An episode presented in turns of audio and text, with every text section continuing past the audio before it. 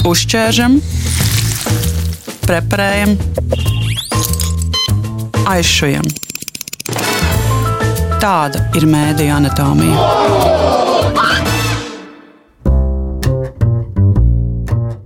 Pēc dažām dienām Latvijas televīzijas ziņu dienesta veidotajai ikvakara ziņu pārraidai panorāma apritēs 65 gadi. Mani sauc Dārsa Krejere, un šajā raidījumā Mēdīņa anatomija dodos ciemos pie televīzijas kolēģiem, lai viņus apsveiktu svētkos un arī pārunātu, kas pašlaik ziņu redakcijā ir aktuāls. Lūk, kāda saruna mums sanāca. Nu tā, prieks atbraukt uz Aču salu, lai satiktu kolēģis, kas pavisam drīz svinēs nu, tādu cienījumu jubileju 65 gadi Latvijas televīzijas ziņu raidījumam Panorāma. Tāpēc esam atbraukuši uz Aču salu.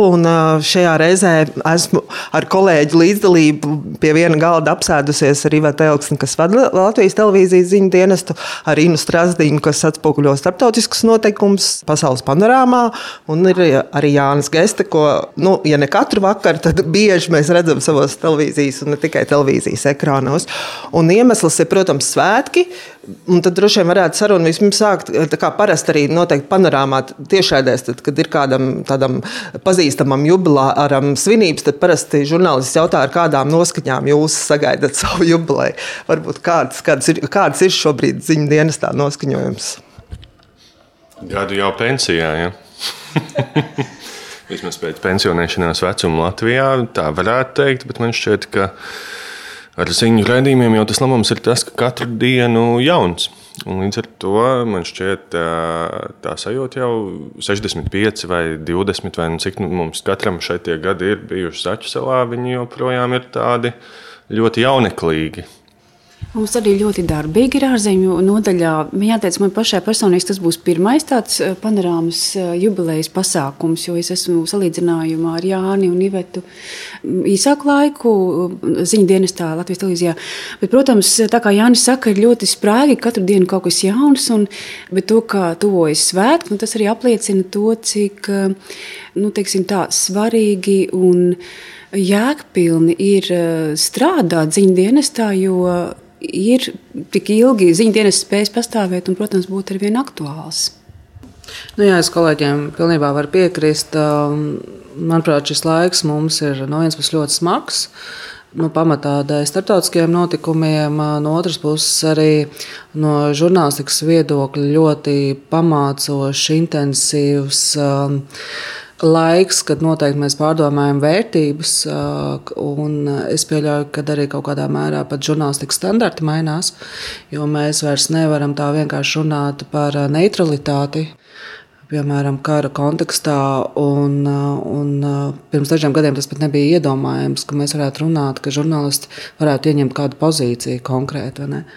Un, līdz ar to jā, šis ir tāds, man liekas, no, no mūsu skatu punkta vai no manas skatu punkta, domāju, manā žurnālistikas pieredzē laikam smagākais laiks kaut kādā mērā. Un, Līdz ar to domāju, ka mēs ļoti labi izprotam tos laikus, kad uh, mūsu kolēģi šeit un sabiedrība kopumā tauta cīnījās par Latvijas neatkarību. Tad, kad arī iebruka šeit Zaķisalā televīzijā, kā bija cilvēkiem tad strādāt. Un man liekas, ka tas arī kaut kāds tāds paralēlis, ka tu vari vilkt ar to laiku un to, kas notiek šobrīd, un to starp arī par vērtībām. Nu, tas, man liekas, arī mums tāds, tāds būtisks aspekts ir šobrīd. Bet eh, ļoti ceru, ka mums būs eh, ballīte, tusiņš. Jāatzīst, ka mums nav bijis apmēram trīs gadus. Jo, protams, ka, nu, tad, kad arī sākās karš, tad eh, galīgi ne. Nu, Prāts uz svinībām nenesās, un pirms tam bija Covid. Un, protams, ka ir tā jocīgi no vienas puses svinēt kara laikā dzimšanas dienu, bet no otras puses mēs arī redzam, ka Ukrainā to dara. Ukraina arī uh, dzīvo un, un, un cīnās. Un, un tieši šī, nu, liekas, ka mēs arī mazliet varam pasvinēt un atkal turpināt smagi strādāt. Tad balva būs. es nezinu, vai tas sāk par balli. Nu, tas būs kolēģi sanāks kopā, atpūtīsies un nu, tāds, nezinu, tusiņš. Bet vispirms būs, būs ziņas, jebkurā gadījumā, un tikai tad būs svinības. Tas nekāda svētki nekad neatceļ ziņu eksistēšanu. Nu, ziņām nav brīvdienu raidījumā Mēdīņa anatomija pieminot gan to, ka jums ir svētki, bet arī parunāt par ikdienu. Un mums likās, no kuriem tad vēl ne, ja ar ziņu cilvēkiem parunāt par to, kā it īpaši jau Iveta pieminēja, ka šis laiks ir grūts, kādā veidā redakcijas spēja un var palīdzēt saviem kolēģiem, kas dodas uz atspoguļot notikumus Ukraiņas karā vai arī nodarbojās ar tādām sarežģītākām, grūtākām pētniecības tēmām, kurā nu, tas paprast daudz spēku no žurnālistiem, vai vienkārši ikdienā būt šajā ziņu e, ritmā un, un, un nenogurt arī no tā, ka katru dienu tev jāstāsta, ir jāatrod kaut kas jauns. Un tāpēc par to mēs vēlējāmies šodien parunāt nedaudz arī vairāk. Es ceru, ka jūs būsiet atvērti un gatavi šajā sarunā piedalīties ne tikai ar jaunu. un, bet vispirms, droši vien, kad, kā jūs redzat, vai tas, tas ikdienas ritenis un uh, nogurums varbūt arī no ziņām, par ko arī jau pētījumos arī apliecina, Kā jūs to piedzīvojat Jā, šeit, Zaķisalā? Man šķiet, ka žurnālisti tomēr ir tāda dīvaina ļautiņu kategorija, kas ikdienā par šādām lietām man šķiet nedomā. Es jau arī gribēju jo... teikt, ka, ka ziņas ir diagnoze. Un tajā brīdī, kad ir ārkārtīgi smagi, grūti krīzes, notiek vienalga vai Zeltūdas traģēdija, vai Krievijas iebrukums Ukrajinā, vai, vai, vai kaut kāda Covid lieta, tad patiesībā tad ziņu žurnālisti ļoti saņemās. Viņiem ir liels adrenalīns, viņi nejūt ne bezspēku, ne nogurumu, neko. Viņi, viņiem ir milzīga jauda. Jo tas ir tas pienākums pret sabiedrību, ka tev ir jāstrādā, tev ir jāstrādā un neatkarīgi no tā, kā tu jūties. Protams, nu, nu, kaut kādā mērā nogurums ir, bet, bet tev tā pienākuma apziņa ir daudz, daudz lielāka. Un, jā, protams, ir pēc tam atkritieni. Nu, tas ir fakts.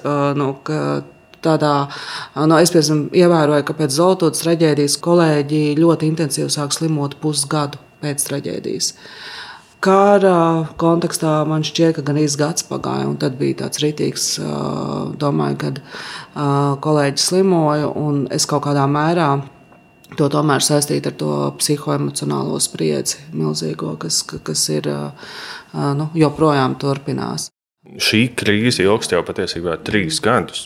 Nu, Patās bija ne, 13. marts, kurā Latvijā sākās ārkārtējā situācija Covid dēļ, un kopš tā laika ziņas man šķiet tādā ikdienas rutīnā nav strādājušas nedienu.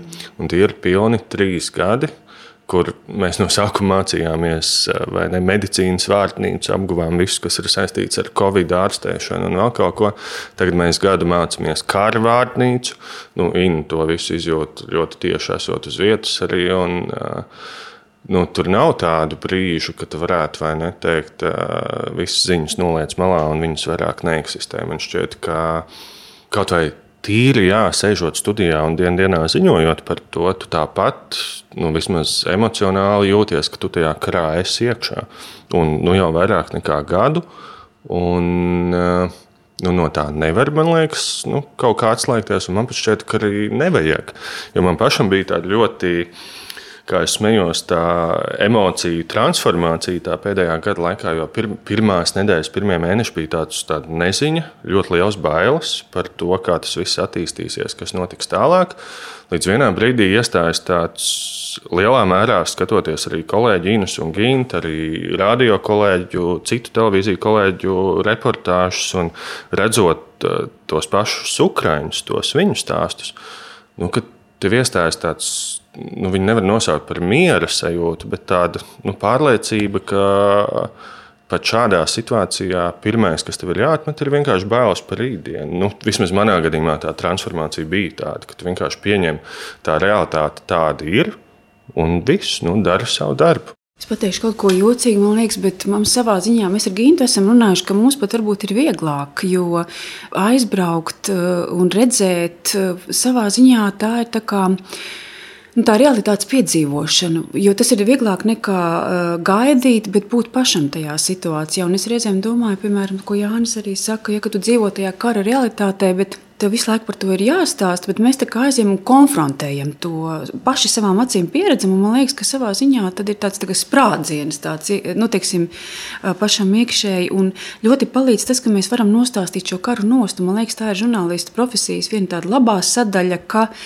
mums ir nu, teiksim, profesionāli jāstāsta par to. Un tad mēs kā, izstāstot šo situāciju arī savā ziņā palīdzam arī paši sev. Bet man jāteic, ka mūsu ziņu dienestā arī mūsu mazajā ziņu ārzemes ziņu ģimenē ir ļoti tāda, nu, saudzīga.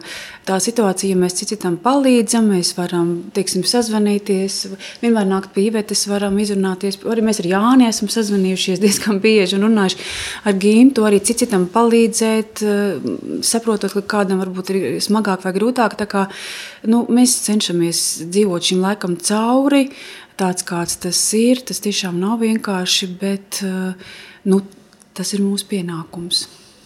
Tas, kas laikam viens no tādiem emocionāli smagākiem brīžiem ir, tad, kad, piemēram, kolēģi aizbrauc uz Ukrajinu, viņi ārkārtīgi Ukrāņi novērtē Latviju. Latvijas sabiedrību, tās palīdzību, arī žurnālistu darbu. Un uh, Gins un Inna un mūsu operatori, Aigars un Ingus, ka, ka, kas visbiežāk dodas uz Ukrajinu, viņi parasti atbrauc ļoti noguruši, pārguruši, bet ļoti iedvesmoti, jo, jo viņi no Ukraiņu tautas saņem lielu, lielu atbalstu. Un sāpīgākais ir tas, ka Latvijā ir atsevišķi politiķi, politiskie, varbūt pat spēki kaut kādi, kas apšauba mūsu vērtības. Un tas ir tas briesmīgākais.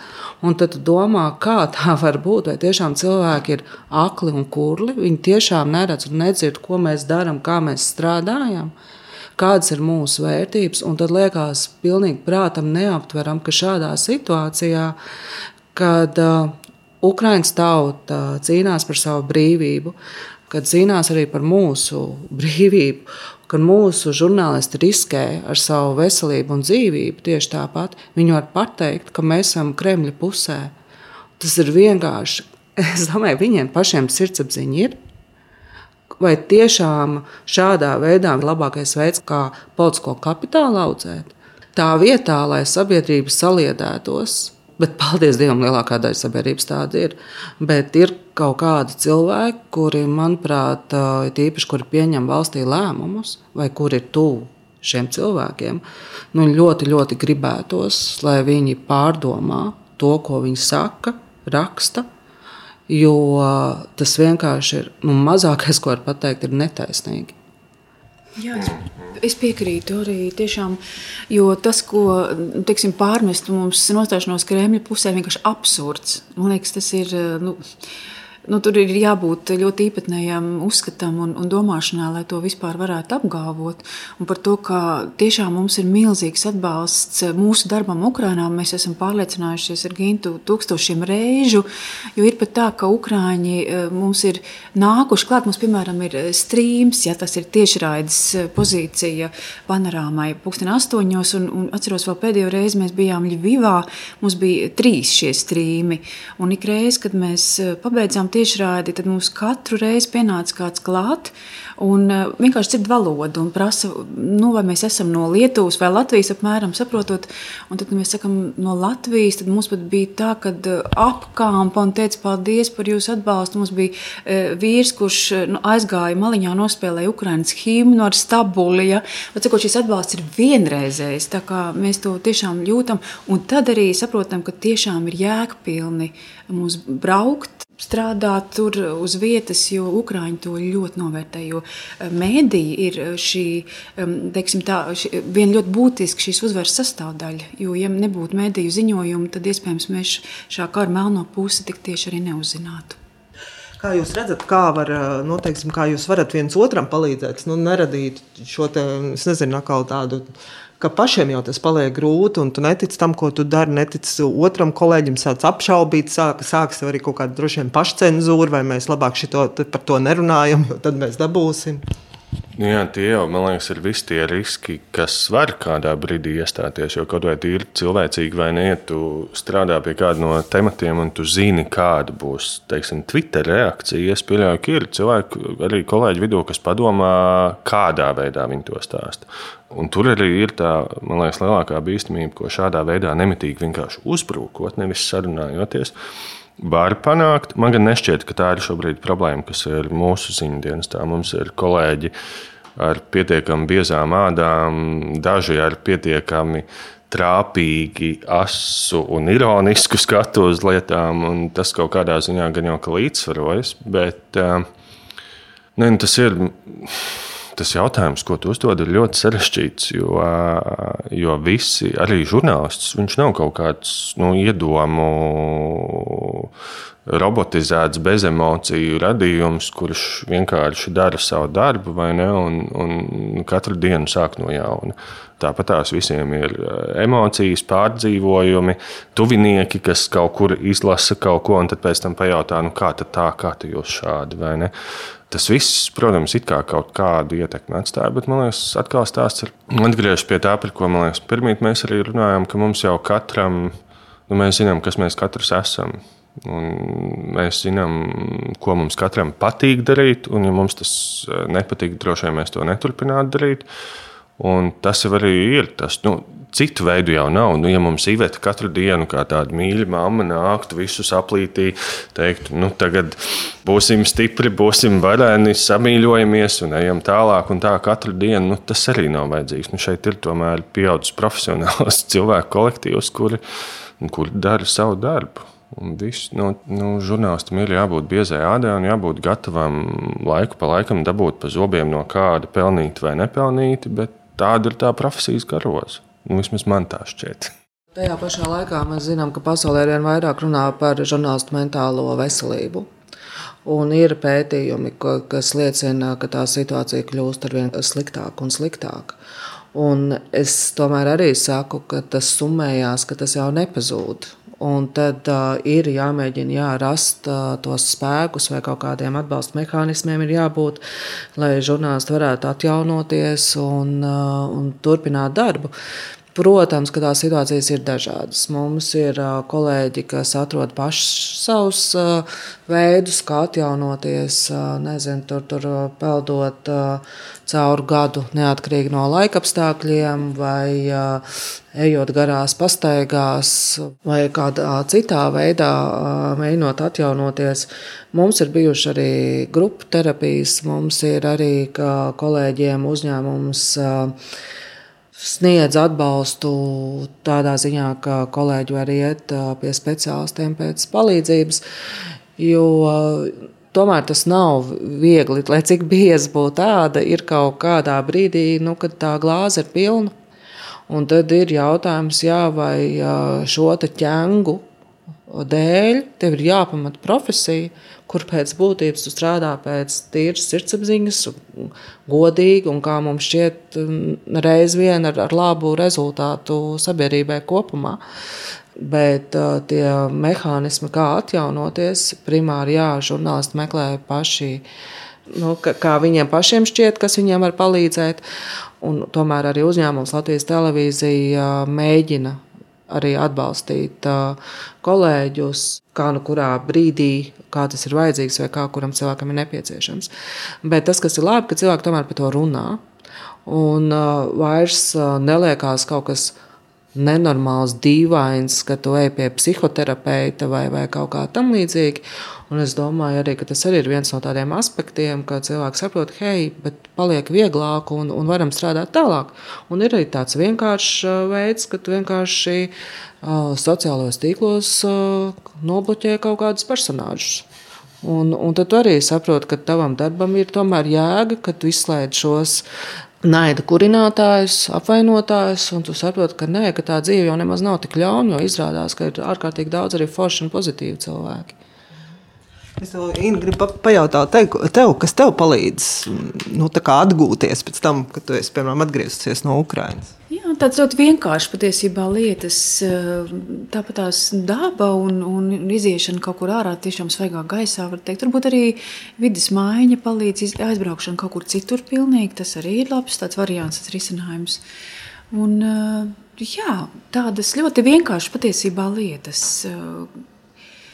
Es atzīšos, man arī patīk kādā brīdī vienkārši aiziet uh, izklausīsies no šiem primitīvi, bet tiešām eh, kaut ko sev skaisti nopirkt, piemēram, nu, tādu sievišķīgu. Es to esmu ievērojis tiešām, ka pēc tādiem braucieniem arī iepriekšējā darba dzīvē man patika vienkārši uzvilkt augstspēju kurpes. Tas izklausās smieklīgi, bet tiešām tas kaut kādā ziņā nomaina kaut kādu domāšanas sajūtu, tādu vienkārši izveidot tādu mazu, tādu individuālu pavasarī, jā, pēc tādiem smagākiem braucieniem. Bet, protams, arī sarunas ar kolēģiem un cilvēkiem, kuri ir līdzīga pieredze izgājuši cauri, tas arī ļoti palīdz.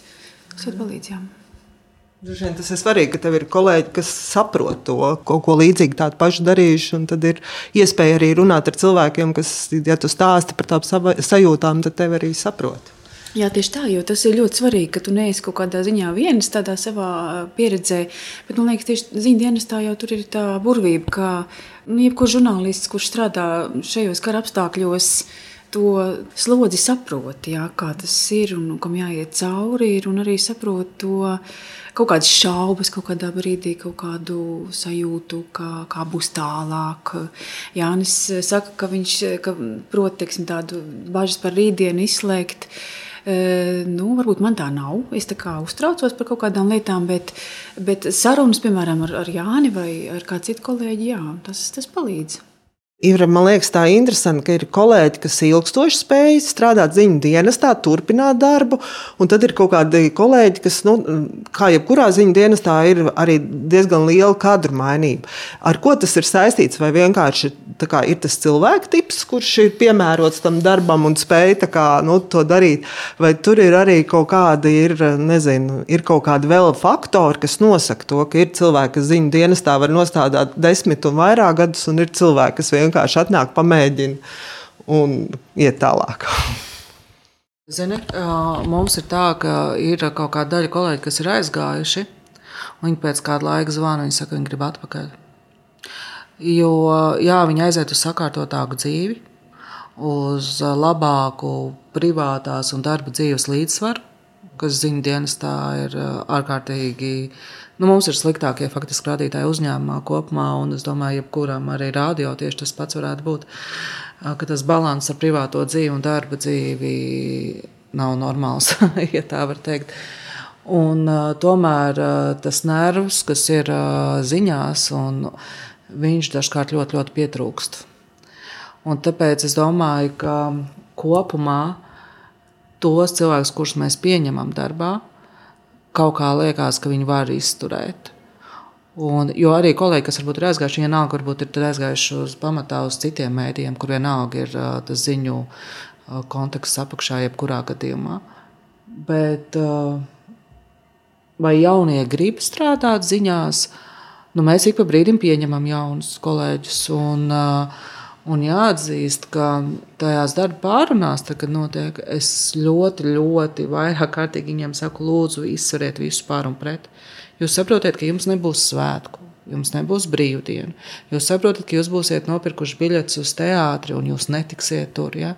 Jūs nevarēsiet aizbraukt uz jebkuru koncertu, kur jūs gribēsiet, jo pēkšņi kaut kas var notikt. Un otrs, ko es viņiem ļoti lūdzu pēdējos gados, arī pārunāt ģimenei vai, vai ģimene tam ir gatava. Un, ja ir atbalsts arī no ģimenes, no tuviem cilvēkiem, tad jau tā ir puse no uzvaras. Un, un tad kaut kā kolēģi kopumā, man liekas, iztur. Jā, varbūt citam ir lielāks slodzi, citam ir mazāk, bet nu, visiem jau arī varbūt nevajag ārprātīgi, ārprātīgi nu, strādāt tā, ka neredz ne rīt, ne vakar. Ja? Ir jāatrod tas līdzsvars. Jo es tomēr teiktu, ka mūsu paudzes cilvēki kaut kādā mērā nu, tomēr par daudz strādā. Man liekas, ka ļoti daudz upurē to privāto dzīvi. Tas, kas man tiešām ļoti patīk, vērojot jaunos kolēģus, ka viņi ļoti labi tā paudze vispār, kas man liekas, kas, kas šobrīd ir ienāk darba tirgo, viņi ļoti labi spēj tomēr novilkt tās robežas, cik daudz viņi atvēl darbam, cik daudz viņi atvēl citām lietām. Nu, mūsu paudze laikam tā īsti nemāk.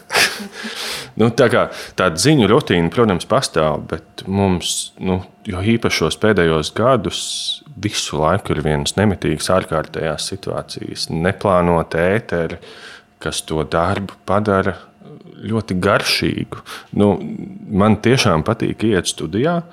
Un iziet no viņas pēc sešām stundām, kur liekas, vai prāts, ko tu darīsi, vēl kaut kā, bet tie neplānotie ēteri ir tie, kas, jā, kas šo darbu padara nu, tādu ļoti, ļoti profesionāli interesantu. Laikam, ka tu nemitīgi sajūties kā savā tajā pirmajā tiešraidē vai pirmajā reportāžā. Kad tev iemet tajā dīķī, un tad vai tu tiks līdz tam otram krastam vai netiks. Un tā sajūta man šķiet, mums šeit visiem ir diena dienā. Varbūt ne katru dienu, nu, nu, ir, protams, rutinētākas dienas, bet nemitīgi, ka tev tas stāsts ir jāizstāsta, un tev nav variantu. Nu, vakarā producents pūksteni astoņos skatīsies uz Inu un teiks, nu, tev kaut kas ir, nē, tu vēl gaidi citātus, neko nezini, nāc studijā stāsti. Nu. Nu, nu, kādai pieminiektu nogāšana mm -hmm. pārdaugavā? Nu, mums bija plāns ēteris divām stundām, ka varētu būt. Mums bija saturs sagatavots apmēram uz pusotru. Nu, mēs sapratām, ka tajā pusotras stundas laikā mēs saplānosim saturu tajā atlikušajai pusstundai. Ēteris bija um, sešas stundas. Nogrums jau pēc tam ir vājprātīgs. Un tiešām, jā, Jānis nevarēja ne padzerties, ne pāriest, ne uz labierīcībām aiziet vai vēl kaut kā. Tāpēc, ka visu laiku saturs tika ražots, uh, un, un, un Jānis tikai pasaka uzvārdu, viņam uzreiz ir jāspēj nointervēt. Un tā. un es atceros, ka bija pagājuši um, četras pusstundas, kad, kad nogāza pieminekli. Mēs visi režijā aplaudējam. Tas ir noticis. Un tad uzreiz tiek pieņemts lēmums, ka ēters līdz sešiem. Tā tad vēl pusotru stundu. un, un, un, un, un atkal viss sākas no nulles, un, un nav taču ētrā nekāda pārtraukuma. Tev nedrīkst pat būt, vai ne? Tev visu laiku ir jāveido saturs. Bet um, pēc tādām tiešraidēm atkal ir daudz spēka un enerģijas. Jā, tu esi noguris, bet tajā pašā laikā ir daudz spēka un enerģijas. Un tad tu dzīvo un strādā atkal tālāk. Emocionāli tāda iekšēja pretruna žurnālistu starpā, vai ne? Ka ļoti bieži mēs ziņojam par notikumiem, kas kādam ir ļoti sāpīgi, ļoti traģiski, kas ir emocionāli ļoti smagi. Jo projām atceroties to pašu Maksimas traģēdijas laiku, tās dienas, nu, viņas bija drūmas, viss, ko tu dari. Ziņu izlaidumā pēc ziņu izlaiduma tu skaiti kārtējo bojā gājušo, un, un viņu paliek aizvien vairāk un aizvien vairāk. Uh, Un tā disonance tāda iekšējā rodas no tā, ka jā, tās vēstis ir šausmīgas, tā traģēdija ļoti daudziem ir sāpīga. Arī tu pats mēģini brīžiem savaldīt emocijas kā tādas, bet profesionāli tev ir izaicinājums pēc izaicinājuma, kuru tu visu laiku mēģini pārvarēt. Un līdz ar to tad, uh, Nu, tur ir tāda ļoti dīvaina sajūta, ka tu jūti gandarījumu par to, ka profesionāli tu kaut ko spēj paveikt. Un vienlaikus ļoti emocionāli tādu smagu sajūtu par tām ziņām, ko tu vēsti. Un tā pretruna, es nezinu, kā viņi var atrisināt. Vispār. Nu, viņu nav iespējams šeit atrisināt. Kā vienkārši ļauties tam, ka jā, tev ir darbs, kur tu mēģini darīt maksimāli labi, ko tu vari izdarīt.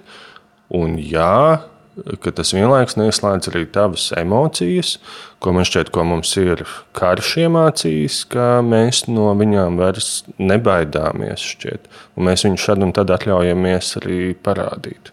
Bet tā ir, ka žurnālisti arī raud, dusmojās, pārdzīvo, ka neraud, tāpēc, ka strādā. Un, uh, tur ir ļoti plaša tā emociju gama. Tad vieni pārmet sev par to, ka viņi raud, ka viņi jūt līdzi, Otri pārmet sev, ka viņi šobrīd neraud, un, tāpēc ka viņi strādā. Un tur nav ne pareizu, ne nepareizu reakciju. Tāpēc, ka nu, mēs zinām arī kolēģus, ka piemēram tās pašas zolītūdas emocijas nāca ārā pēc gada. Tad, kad, bija, kad mēs pieminējām pirmo gadu pēc šīs traģēdijas, nu, arī bija ārkārtīgi smagi. Un jā, tas ir, ka žurnālisti patiesībā ļoti, ļoti jūt līdzi un pārdzīvo. Mēs mēdzam teikt, ka mēs esam ļoti cīniski ļaudis, bet pēc būtības jau, ja tā iedziļinās, nav. Viņi varbūt tajā ēterā nevienmēr visu parāda. Nu, jā, nu, tur žurnālists visbiežāk neraudās ēterā, bet arī tā mums ir gadījies. Un man liekas, ka no tā nav jākaunās. Tas nenozīmē, ka tev ir zemāka profesionālā latiņa, tāpēc, jo mēs visi esam cilvēki un mēs jūtam līdzi. Un, tas ir jā, tas stāsts, ka tā glāze jau vienalga pildās. Tas ir tas, ko es pirms kāda laiciņa arī teicu. Glāze pildās gan ar tām ārējām emocijām, par to, ka mums sit, un glāze pildās ar to, ka, ka tas darbs jau patiesībā ir ļoti smags. Jo mēs nevaram iedomāties, ka mēs atnākam šodien uz darbu un sakam, mēs esam ļoti emocionāli noguruši. Un šodien par Ukrajinu mēs neko nestāstīsim, jo mēs esam noguruši. Nu, gribam tas, atpūsties. jā, gribam atpūsties. Jānis aiziet ēterā un Nīna. Mēs par to šodien nē. Nu, kā? Tieši kā? Protams, ka liela daļa sabiedrības var vienkārši neieslēgt tajā dienā televizoru, var neskatīties portālus, sociālos tīklus un tam līdzīgi. Un viņi var aiziet to. Viņi varbūt aiziet labāk tur nu, kaut ko citu tajā brīdī. Bet, nu, jā, žurnālistiem tādas iespējas bieži vien nav profesionālā darba dēļ. Un līdz ar to, jā, bet, bet noteikti žurnālisti ir ļoti, ļoti emocionāli un, un, un iejūtīgi patiesībā. Nu, savādāk nevar darīt šo darbu. Bet tad jūs klausoties, tad es saprotu, viens ir noteikti šis redakcionālais atbalsts, ka ir cilvēki, kas saprot, ar kuriem var runāt, iegūt šo atbalstu.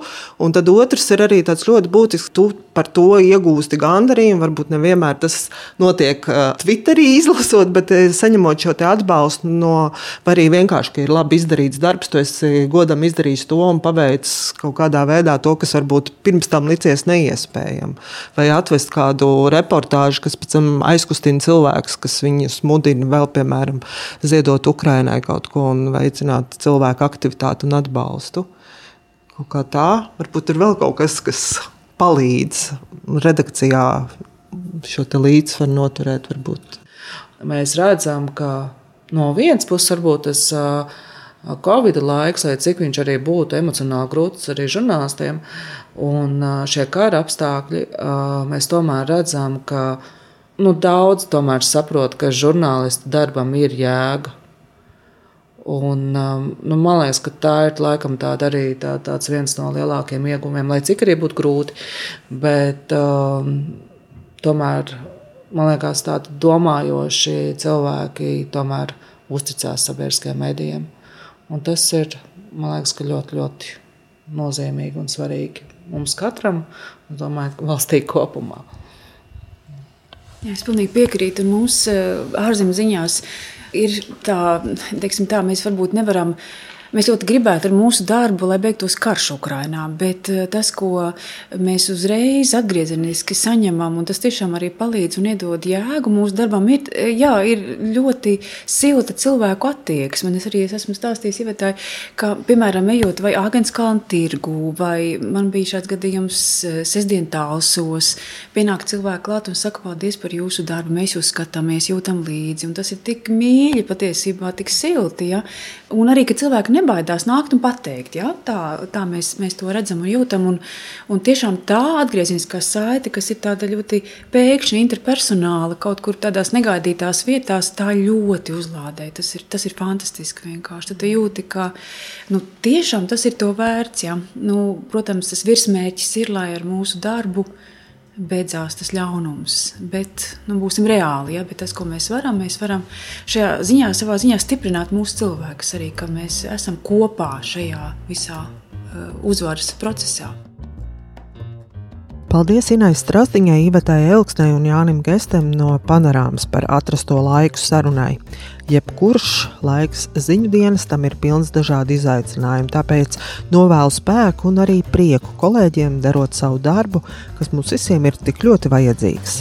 Visu mūsu sarunu var noklausīties sev ērtākā laikā Latvijas radio lietotnē vai raidierakstā.